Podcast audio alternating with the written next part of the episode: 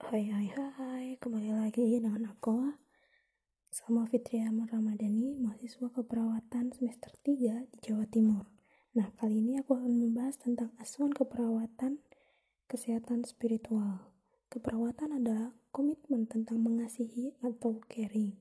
Elemen perawatan kesehatan yang berkualitas adalah menunjukkan kasih sayang pada klien sehingga terbentuk hubungan saling percaya Rasa saling percaya diperkuat ketika perawat menghargai dan mendukung kesejahteraan spiritual klien.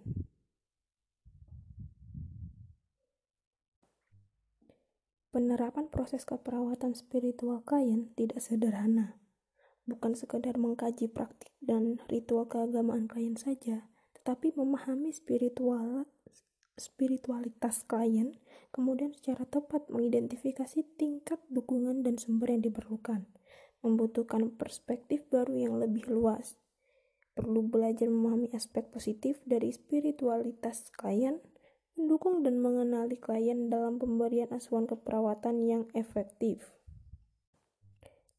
Nah, di pengkajian, asuhan keperawatan akan terjadi bila terbinanya hubungan saling percaya antara perawat dan klien. Aspek spiritualitas selalu dipengaruhi oleh pengalaman, kejadian, dan pertanyaan tentang kejadian penyakit dan perawatan di rumah sakit.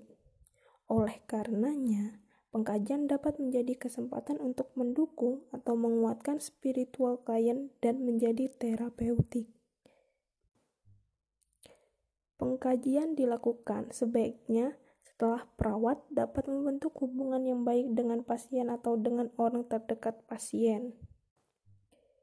Yang harus dikaji Informasi awal yang perlu digali yaitu yang pertama, afiliasi agama, terdiri dari partisipasi agama klien dalam kegiatan keagamaan, jenis partisipasi dan dalam kegiatan keagamaan. Yang kedua, keyakinan atau spiritual agama.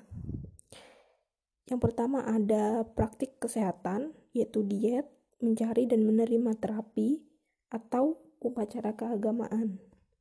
Yang kedua, Persepsi penyakit, yaitu hukuman, cobaan terhadap keyakinan. Yang ketiga ada strategi coping.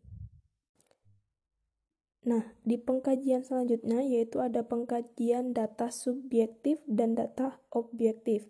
Di pengkajian data subjektif terdiri dari konsep tentang Tuhan atau ketuhanan, sumber harapan dan kekuatan, praktik agama dan ritual, hubungan antara keyakinan dan kondisi kesehatan. Pengkajian data objektif yaitu yang pertama pengkajian afektif. Apakah pasien tampak kesepian, depresi, marah, cemas? Yang kedua ada perilaku. Apakah pasien tampak berdoa sebelum makan, membaca kitab suci atau buku keagamaan? Yang ketiga ada verbalisasi. Apakah pasien menyebut Tuhan, doa, rumah ibadah, atau topik keagamaan lainnya. Yang keempat ada hubungan interpersonal. Siapa pengunjung pasien? Bagaimana pasien berespon terhadap pengunjung? Apakah pemuka agama datang mengunjungi pasien? Yang kelima yaitu ada lingkungan. Apakah pasien membawa kitab suci atau perlengkapan ibadah lainnya? Selanjutnya ada di Diagnosa keperawatan spiritual, yaitu distress spiritual, adalah kerusakan kemampuan dalam mengalami dan mengintegrasi arti dan tujuan hidup seseorang dihubungkan dengan agama, orang lain, dan dirinya. Ruang lingkup diagnosa keperawatan distress spiritual yang pertama berhubungan dengan diri, meliputi mengekspresikan kurang dalam harapan, arti, tujuan hidup, kedamaian. Yang kedua ada berhubungan dengan orang lain, meliputi menolak berinteraksi dengan teman, keluarga, dan pimpin, pemimpin agama. Yang ketiga, berhubungan dengan seni, literatur, dan alam, meliputi tidak mampu mengekspresikan kondisi kreatif, tidak ada ketertarikan kepada alam. Yang keempat, berhubungan dengan kekuatan yang melebihi dirinya, meliputi tidak mampu ibadah, tidak mampu berpartisipasi dalam keagamaan dalam keagamaan, mengekspresikan marah kepada Tuhan.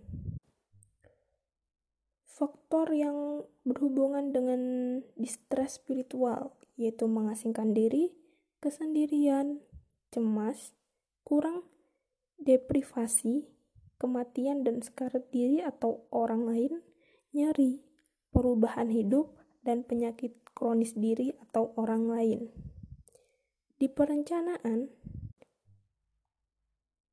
tujuan askep klien distress spiritual berfokus pada menciptakan lingkungan yang mendukung praktik keagamaan dan keyakinan yang biasa dilakukannya. Tujuan pemberian perawatan spiritual menurut Manley 1983 yang pertama, klien merasakan perasaan percaya pada pemberi perawatan. Yang kedua, klien mampu terikat dengan anggota sistem pendukung. Yang ketiga, Pencarian pribadi klien tentang makna hidup meningkat. Tujuan dan kriteria hasil. Tujuan asuhan keperawatan, klien akan mengidentifikasi keyakinan spiritual yang memenuhi kebutuhan, menggunakan kekuatan keyakinan, harapan, dan rasa nyaman ketika menghadapi penyakit mengembangkan praktik spiritual yang memupuk kondisi komunikasi dengan diri sendiri Tuhan, dan dunia luar. Kriteria hasil yang diharapkan, klien akan menggali akar keyakinan dan praktik spiritual, mengidentifikasi faktor dalam kehidupan yang menantang keyakinan spiritual, menggali alternatif, menguatkan keyakinan. Diimplementasi, yaitu yang pertama, periksa keyakinan spiritual ibadah, yang kedua, fokuskan perhatian pada persepsi klien terhadap kebutuhan spiritualnya. Yang ketiga, jangan mengasumsi klien tidak mempunyai kebutuhan spiritual. Yang keempat, mengetahui pesan nonverbal tentang kebutuhan spiritual pasien. Yang kelima, berespon secara singkat, spesifik, dan faktual. Evaluasi Perawat mengevaluasi apakah intervensi keperawatan membantu menguatkan spiritualitas klien. Perawat membandingkan tingkat spiritualitas klien dengan perilaku dan kebutuhan yang tercatat dalam pengkajian keperawatan. Klien harus mengalami emosi sesuai dengan situasi, mengembangkan citra diri yang kuat dan realistis, dan mengalami hubungan interpersonal yang terbuka dan hangat. Klien harus mempertahankan misi dalam hidup dan yakin dengan Tuhan yang Maha Kuasa atau Maha Tinggi.